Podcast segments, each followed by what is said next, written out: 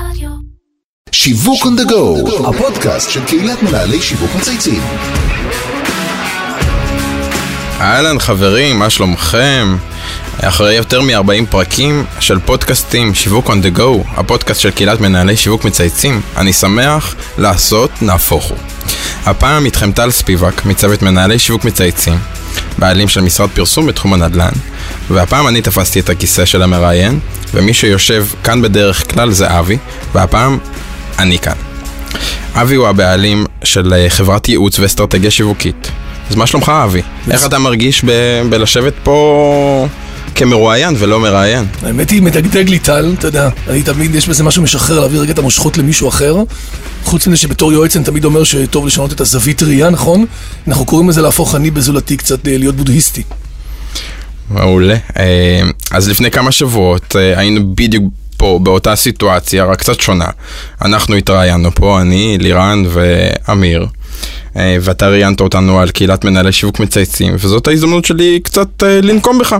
לגמרי. אה, אז, אה, אה, אז קצת, זו קצת הזדמנות טובה למאזינים שלנו להכיר אותך, את העבודה של האסטרטגיה השיווקית ואת התפקיד שלך בתור מנהל ובעלים של חברת ייעוץ. אז היום אנחנו נדבר הרבה על אסטרטגיה שיווקית, על תוכניות שיווקיות, על מודלים שיכולים לעזור למאזינים שלנו להתנער מקיבעונות בתחום השיווק. כל זה נשמע מאוד מעניין, אבל רגע לפני שאנחנו מתחילים, אני רוצה קצת להעתיק ממך ולשאול אותך טיפה על הפן האישי. נדמה לי שמגיע למאזינים שלנו להכיר אותך אחרי 40 פרקים אה, ולשמוע טיפה על הקריירה שלך ועל החיים האישיים. אז, אה, אז מר מרואיין, זה הזמן, go. זה ה money time, זה שאלות שתמיד נורא קל לשאול אותן, אבל כשאתה צריך לענות, אתה יודע, זה קצת ב state of mind אחר. אז אה, אני בן 51, גר בהרצליה, נשוי לתמי, שהיא גם היא בעלים של חברה לייעוץ, לייעוץ בתחום ה-IT, billing, CRM, טכנולוגיות, אתה יודע, דברים גדולים. אה, דברים שגדולים... כן, אה, מאוד מצליחה. אבא לעומרי הקטן ולאיתי, מספר שלוש, ויונתן שהתגייס בדיוק השבוע לצנחנים. הוא בגיבוש עכשיו בזמן הזה, אנחנו פחות בתקשורת איתו, אבל אה, בואו נחכה עד שישי שבת לראות מה יקרה. ויובל שהשתחררה מהצבא, היא כבר בת 23, וחזרה מהטיול כבר של אחרי הצבא בצ... במזרח. ועכשיו היא עושה את הצעדים הראשונים שלה היא מוכרת קשים מבמבוק, היא עושה יוגה, היא מלמדת, נורא מעניין.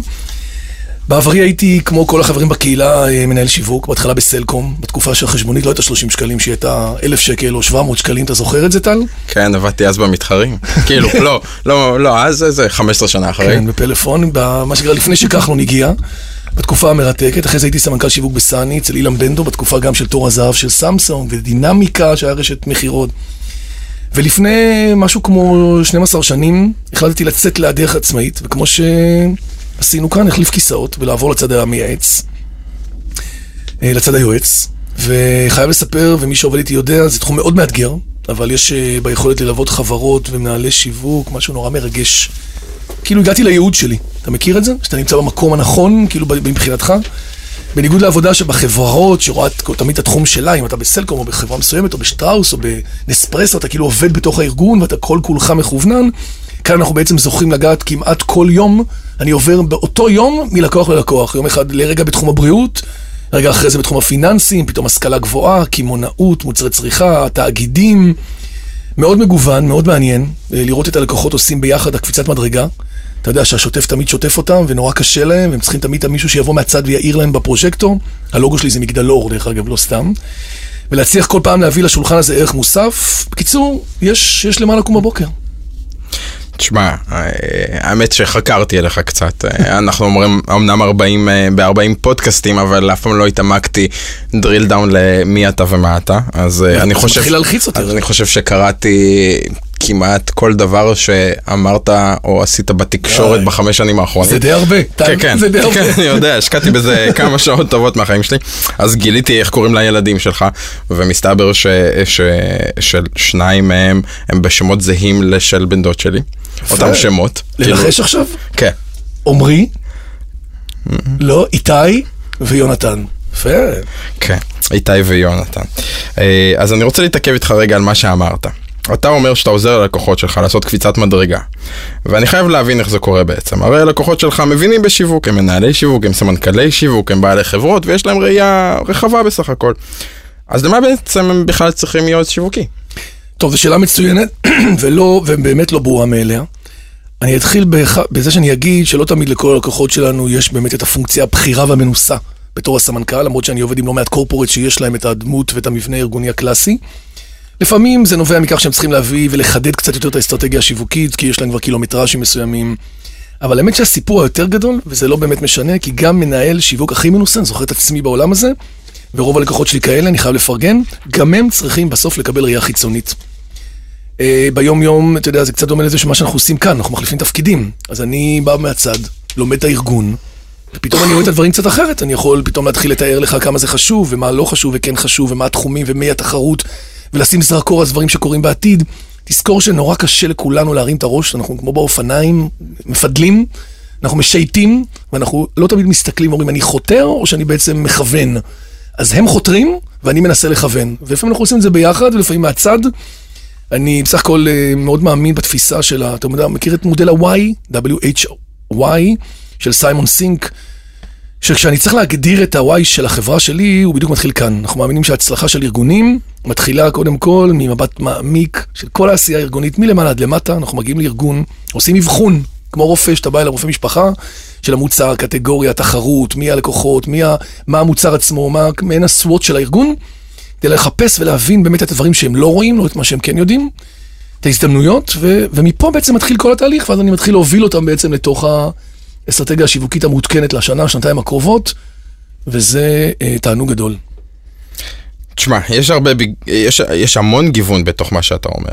אה, אנחנו רואים את זה כל הזמן גם בקהילה, האופן שבו מנהלי שיווק מצ... מתייעצים זה עם זה, אה, השאלות שהם שואלים, הם, הם מחפשים פידבקים, הם מתח... מחפשים עוד חוות דעת לגבי מה שהם עשו, או שמה נכון. שהם מתכננים לעשות. בתכלס, אני חושב שכל אחד... אה, אם הוא רק היה יכול, היה, היה רוצה לקבל את ההצעה הנכונה, את ההמלצה הנכונה, בזמן הנכון וברגע הנכון. טיימינג is everything. אבל זה נשמע משהו מאוד קל להגיד, אה, וקצת פחות קל לביצוע אני חושב. אה, להגיע לארגונים שאתה לא מכיר, אה, מכל כך הרבה סוגים וקטגוריות, ותמיד צריך לדעת להסביר להם מה הם צריכים לעשות. זה, זה לא כל כך פשוט. נכון, זה באמת לא פשוט. בואו נשים את הדברים רגע על השולחן, כי בסוף יש לי אחריות מאוד כבדה, אתה יודע. גם אה, ברמת המחויבות, גם משלמים לך הרבה כסף, גם הלקוחות מרגישים נורא לבד והם צריכים מישהו שיטען אותם ויהיה איתם. מצד אחד יש לנו באמת תהליך סדור. אנחנו מראיינים המון אנשים בארגון. אני חייב, יש לי אחריות מאוד כבדה. אין מצב, אתה יודע, זה לא פרי סטייל. אתה לא בא ואומר, יאללה, בואו... אני מתחיל להרגיש את הכיוון אחרי שתי פגישות. זה לא רק במחלקות השיווק, זה גם במכירות, זה גם בייצור, וגם בשירות לקוחות. כל מי שיכול להיות רלוונטי בסניפים, מנהלים, אני עבדתי עם כללית 10 שנים, 11 שנים, ראיינתי במחוזות, אתה יודע, רופאים, מנהלים, אני מגיע לבתי השקעות, אני מראיין את המציגים, מי עובד עם הסוכנים, ממש יורדים עד רצפת המכירה.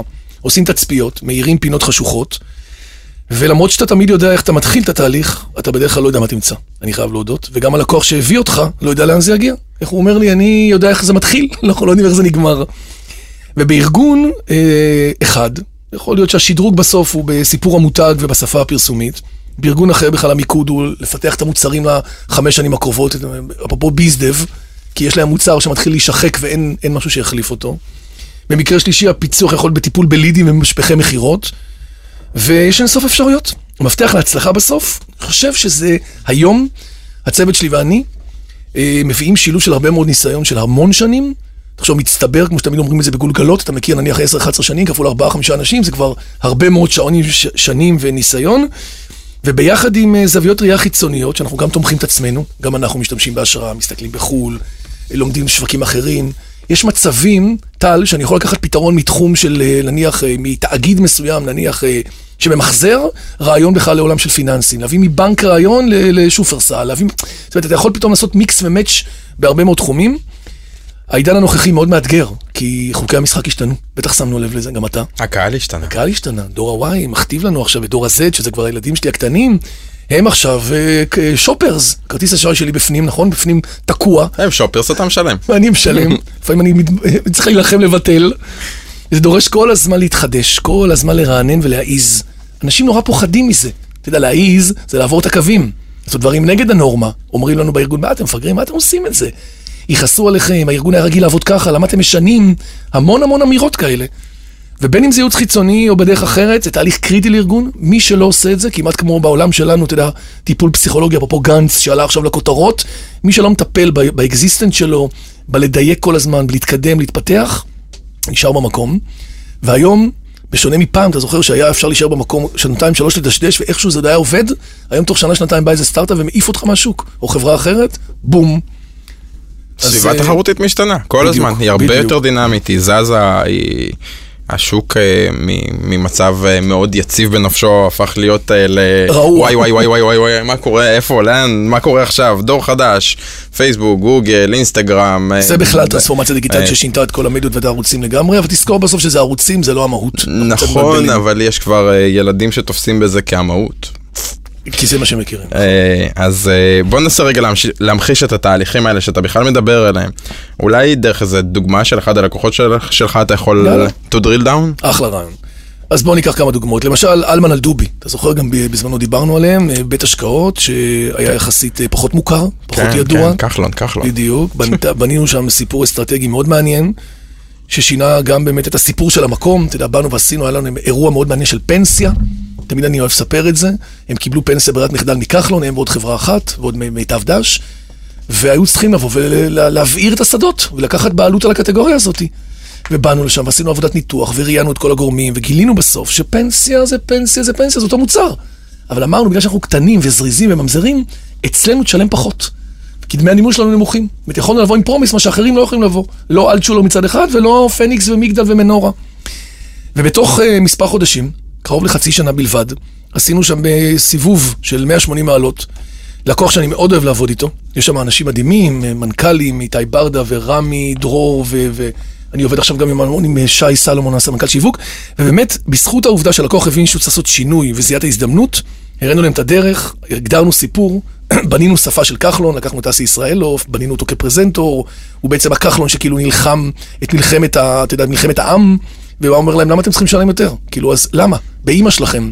ומתחיל פה סיפור מעניין, וזה עבודה עם מפיצים, ועבודה B2B ו-B2C, וכנסים, וקמפיינים, ודיגיטל, חלק מהעולמות שלך גם, ופרפורמנס, כל היום אתה במשפכים מצד אחד, ונותן חיל אוויר בלמעלה. וזה מרתק, זה דורש כל הזמן להעריך את המקום שלנו. יש לנו דשבורד כזה בפורום שיווק כל שבוע, ואנחנו כל יום משנים החלטות וזזים. מה שהחלטנו לפני שבועיים, טל, לא רלוונטי כבר היום. הנה, עכשיו יש בחירות עוד שנייה. יש פה הפתעה עם אלמן אלדובי, אני כבר מגלה לך. הם הלכו וצילמו סרט מיוחד ביום הבחירות. ליום עצמו, שאתה תראה, בשנייה לפני המדגם, אתה תראה מה הולך להיות. אני כבר רומז. כשאנחנו נשדר את זה, כנראה זה כבר יהיה אחרי. אה, אז אה, אני... אני לא יודע, מעניין, אם כחלון נמצא בפרסומת, מעניין איפה הוא יהיה ב- בתשיעי לחודש. כן, המדהים הוא דרך אגב שהמודעות שלהם עלתה, נניח תחשוב לאזור של 18% בלתי נעזר מבית השקעות שלפני זה לא הכירו אותו. תבין מה זה היום בעולם של הביטחון והפנסיה. כן, אה, זה זה בכלל עולמות שעדיין אה, לא ברורים לדעתי לחצי מדינת ישראל לפחות. אה, אלמן הדובי באמת הייתה הצלחה גדולה בסך הכל. מעניין אותי אם יש מקרים שזה יותר מאתגר למצוא את הפתרון ולייצר בעצם את ההצלחה ללקוח. כן, אז האמת היא שהאתגרים הכי גדולים, טל, זה בספינות מטוסים, נוסעות מטוסים גדולות, שהשינוי אצלם דורש עבודה גדולה וארוכת טווח, זה לא קורה בשנייה. קח דוגמה, מרכז רפואי הדסה, בית חולים, אני בכלל נהייתי, התמחיתי בעולמות הבתי חולים, עבדתי עם מאיר, עם העמק, עם סורוקה, עם הדסה. אז הדסה כדוגמה, אני כבר שם כמעט ארבע שנים, אני והצוות שלי, אנחנו נכנסנו בתקופת של משבר, אני לא יודע אם אתה זוכר, היה שם בלאגן, נשות הדסה, מיידוף, הכסף ירד, פתאום נהיה סיטואציה כלכלית ותדמיתית לא פשוטה, לקחו חשב מלווה המדינה. אנשים היו צריכים uh, לעשות שם עבודה ולהחליט מול שערי צדק איך אנחנו בזירה תחרותית בירושלים, איך אנחנו מנצחים שם. משבר גדול. התחלנו תהליך חשיבה על קהלי יעד, עבודה על השירות, מנועי צמיחה. בית חולים יש פה 5,000 מוצרים אולי, תחשוב. זה אלפי עובדים ומאות ואלפי מוצרים. כשאתה בא לתהליך כזה, אתה צריך להחליט על מה אתה שם את הז'יטונים, על מה אתה מתמקד בסוף. ואתה רואה איך הדברים מובילים, התחלנו והתמקדנו באמת בכל העולם של יולדות. למה יולדות? כי יש שם כסף. יפה, כי יש שם כסף, כל חודש אתה מקבל ביטוח לאומי, ויולדות זה לא חולי, זה בריאות. והיפה ביולדות, שאם היא באה ללדת אצלך, היא גם תבוא למיון ולילדים, היא תלך לכל התחומים. זאת אומרת, היא קרייר, זה, זה שער כניסה חכם. אני יודע, והדוגמה- חוויתי את זה בשלוש שנים האחרונות. פעמיים. פעמיים. אז הדוגמה הכי טובה זה שם באמת תחום שבו יצרנו העדפה ובידול. אה, עכשיו בדיוק עשינו מחקר, גילינו ש-70% מהקהילה בירושלים, מהקהלים, מי הם? חרדים ודתי-לאומי. והדסה לא הייתה רלוונטית אליהם. אז טיפלנו במוצר, והבאנו רב, קוראים לו הרב קליין, שהוא איש מדהים, הוא הפרזנטור של המגזר, והבאנו עזרת כהנים, וכשרויות בדת צדה חרדית לאוכל, ומלווים, ופתרונות, ו... אתה יודע, ולא כורזים לחייל חרדי, ממש כאילו כיבדנו מאוד את המגזר ובנינו מוצר. ואז פתאום יש בשדה קוצים, טל, אנשים התחילו לשמוע שהמקום הזה רלוונטי, גם הר הצופים וגם עין כרם, זה שני בתי חולים. אני יודע. ופ... ופתאום עשינו שם מחקר וגילינו שהם אוהבים אותנו. עכשיו יצרנו מוצר חדש, קוראים לו לידה ראשונה. לידה ראשונה אתה היית בזה. זו הלידה הכי טראומטית. אז באנו, נתנו צמיד, ונתנו להם חבילה, ויועצת הנקה, אתה יודע, כל הדברים שרוכזו בדיוק עבורם, כל השירותים הרלוונטיים. ואתה מקבל שם המון גודיס ולילה שלישי, והמון המון צ'ופר, אתה יודע, זה עולם שיווקי מטורף היום, כי כולם מחזרים אחריהם, ורוצים לבוא אליהם, זה לא כבר אוטומטית. ועוד נושאת מטוסים אחרונה לסיום זה אוניברסיטת חיפה, ששם אני עובד כבר שלוש שנים, גם מוסדות אקדמיים יצא לי הרבה להתקל, עבדתי באוניברסיטת אריאל ומכללות, יש לי הרבה רספקט אליהם, בסוף הם עושים מחקר, והמחקר הזה בסוף מגיע אלינו, ובסוף אנחנו משנים את החיים שלנו בזכות חוקרים שיושבים במעבדה. ובמקרים שלהם, לא יודע אם אתה יודע, זו אוניברסיטה שהתדמית שלה הייתה רחוקה, קצת ברזט, פחות מעניינת, בלי סיפור. קצת והיינו- בחיפה. חיפה, גם קצת תקוע בגיאוגרפיה, חיפה ובאר שבע, באר שבע לקחו את הפן החברתי, נכון? ובחיפה לקחו את הטכניון. הטכניון לא, הטכניון לקח אותם, בדיוק. ונהיה פה בעצם משהו נורא נורא נורא מעניין, והחלטנו בעצם להביא שם משהו דיסטרפטיב, טל. עשינו מחקר, הלכנו לאוניברסיטת קליפורניה, חקרנו מחקרים, כמו שאתה למדת עליי, אני למדתי עליהם, והבנתי שעתיד האקדמיה נמצא באמת בדבר שנקרא מולטי, מולטיברסיטה, קראנו להם מולטיברסיטת חיפה. בחור בשם קרו אמר שהיום האוניברסיטה לא יכולה לחיות כמו שהיא. המולטי דיסציפלינריות היא מאוד מעניינת. אתה מה למדת תואר ראשון? מנהל עסקים שיווק. יפה. אז אני למדתי גם אה, פסיכולוגיה תואר ראשון, מנהל עסקים שיווק תואר שני, ובעצם הבנתי שאנחנו משהו מסוים. אבל העולם היום לא מספיק. טל ספיבק היום ביום יום שלו, הוא גם אה, חצי פסיכולוג, וגם מנהל עסקים, וגם עושה המון אה, אה, פעילות דאטה, מאוד טכנולוגי. אתה צריך להבין טכנולוגיה ונתונים. זאת אומרת, אתה בעצם לא דבר אחד. והאסטרטגיה אמרה שהעולם שייך לאנשים שהם יותר מדבר אחד. ובוא תהיה מולטי אצלנו, אנחנו המולטיברסיטה הראשונה, בנינו שיטה שנקראת מולטיברסיטה, עם ביג דאטה וחוגים חדשים, לא רק סטטיסטיקה ומימון, הוספנו קורסים בסיסיים מעניינים, גילינו שיש להם הכי הרבה שילובי חוגים, אתה יכול ללמוד משפטים עם uh, מדעי המוח. תיאטרון עם שזה משפטים. הגיוני, משפטים ומדעי המוח. דרך אגב, הגיוני כן. לגמרי. כן. אתה יכול ללמוד נניח פסיכולוגיה עם תיאטרון, אתה יכול ללמוד uh, גם uh, מדעי רוח דיגיטליים עם, uh, עם uh, פסיכולוגיה. בקיצור, כל מיני שילובים מעניינים. אף אחד לא יודע לספר את הסיפור לפני זה, גיבשנו מוצר ושפה ועבדנו מבפנים עם כל הדיקנים וכל הדמויות, ופתאום יש לנו כבר גידול כל שנה של אלף סטודנטים כמעט, תחשוב כמה זה בכסף. פרויקט מדהים, אנשים מדהימים שם, נשיא רון רובין, שהחליט בזמן את עמוס שפירא, איש מדהים, כיף לעבוד איתו, כיף לרוץ איתו קדימה, מאוד מעניין.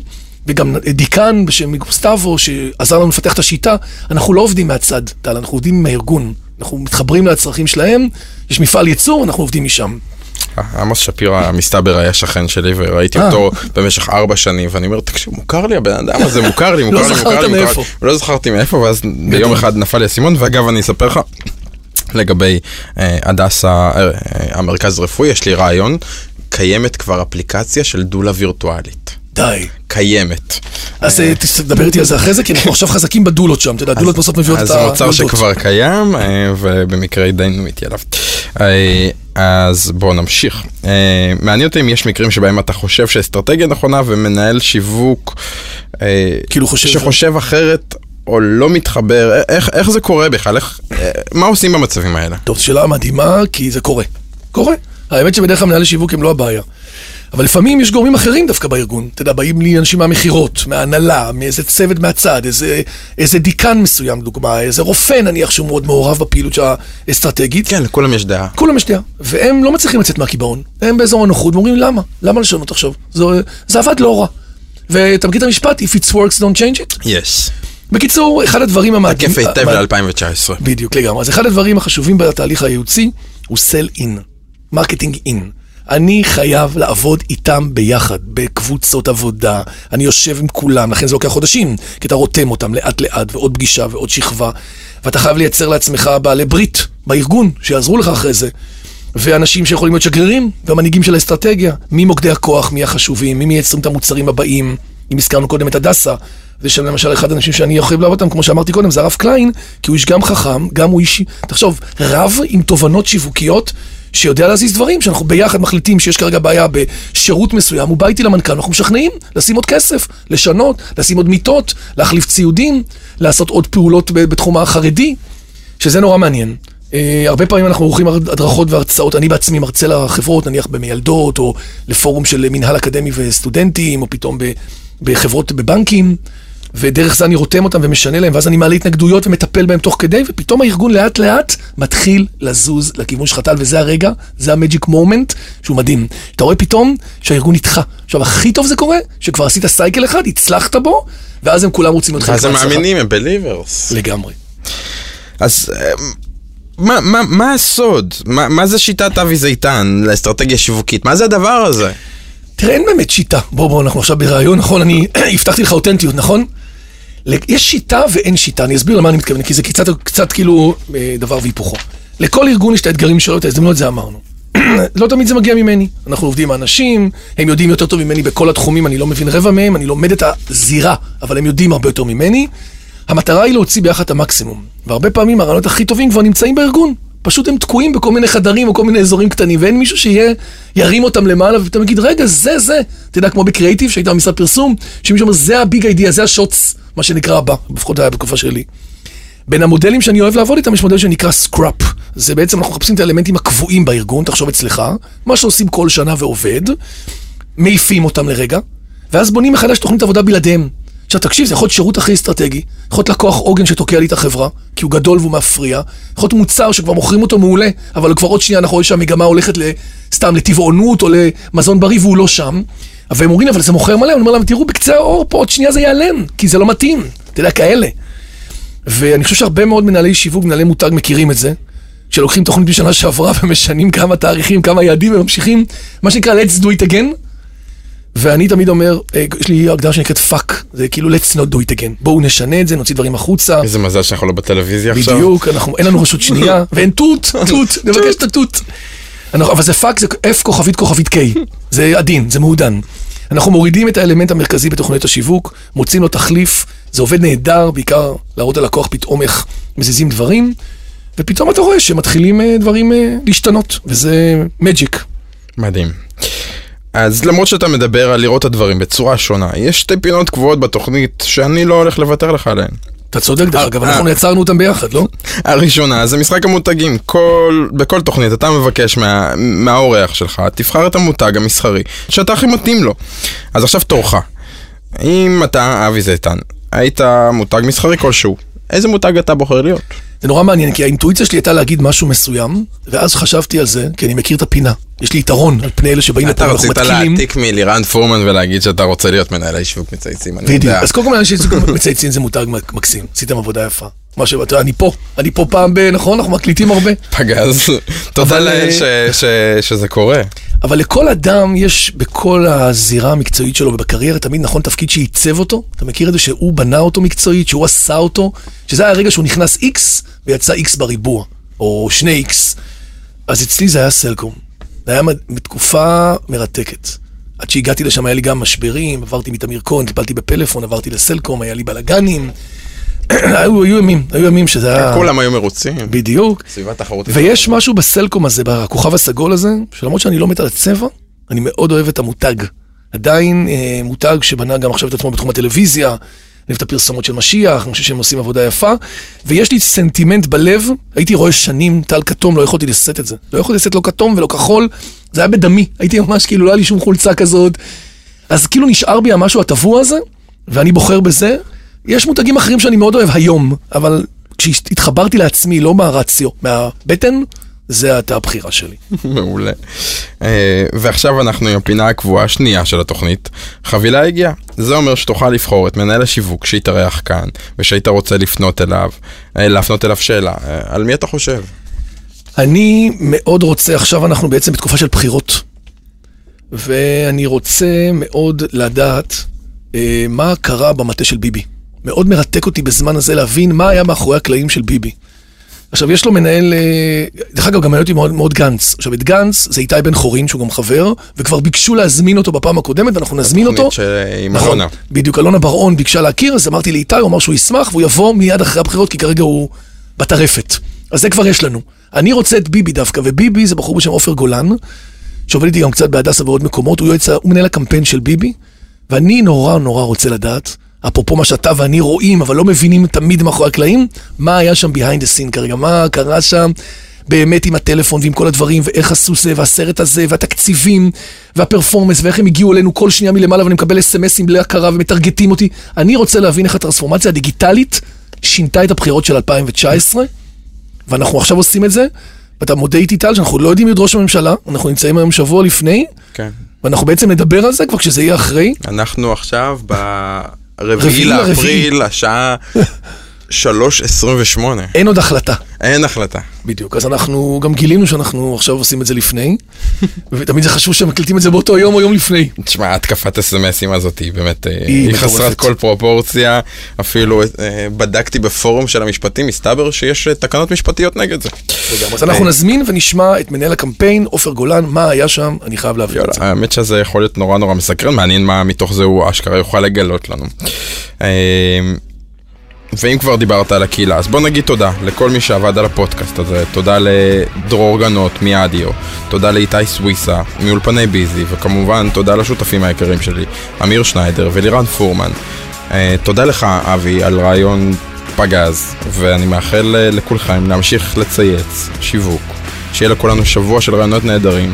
ושיווק אפקטיבי ומעורר השראה, ובעיקר שנמשיך לראות דברים בזוויות חדשות. וכיפיות. תודה לך, היה מעניין. האמת היא שאף, לא, לא, אני מתראיין המון, כמו שאתה יודע, במדיה, כל היום תוכניות חיסכון, תוכניות בוקר, כתבות, אבל אף אחד לא ישב איתי ככה באולפן, 20 דקות קצת לעשות כזה אינטרו, אז אני מודה לך על זה. זה היה רעיון שלך, ואני מאוד נהנה. אה, נורא נחמד לשבת בצד של המרואיין גם. זה לא המקום הטבעי הרגיל שלי כל פעם, תלוי זה משתנה. אתם לא רואים את אבי, אבל הוא קצת מזיע עכשיו. אז אה, שיהיה לנו אחלה שבוע. שבוע דבש. תודה רבה, טל ספיבק. ביי ביי.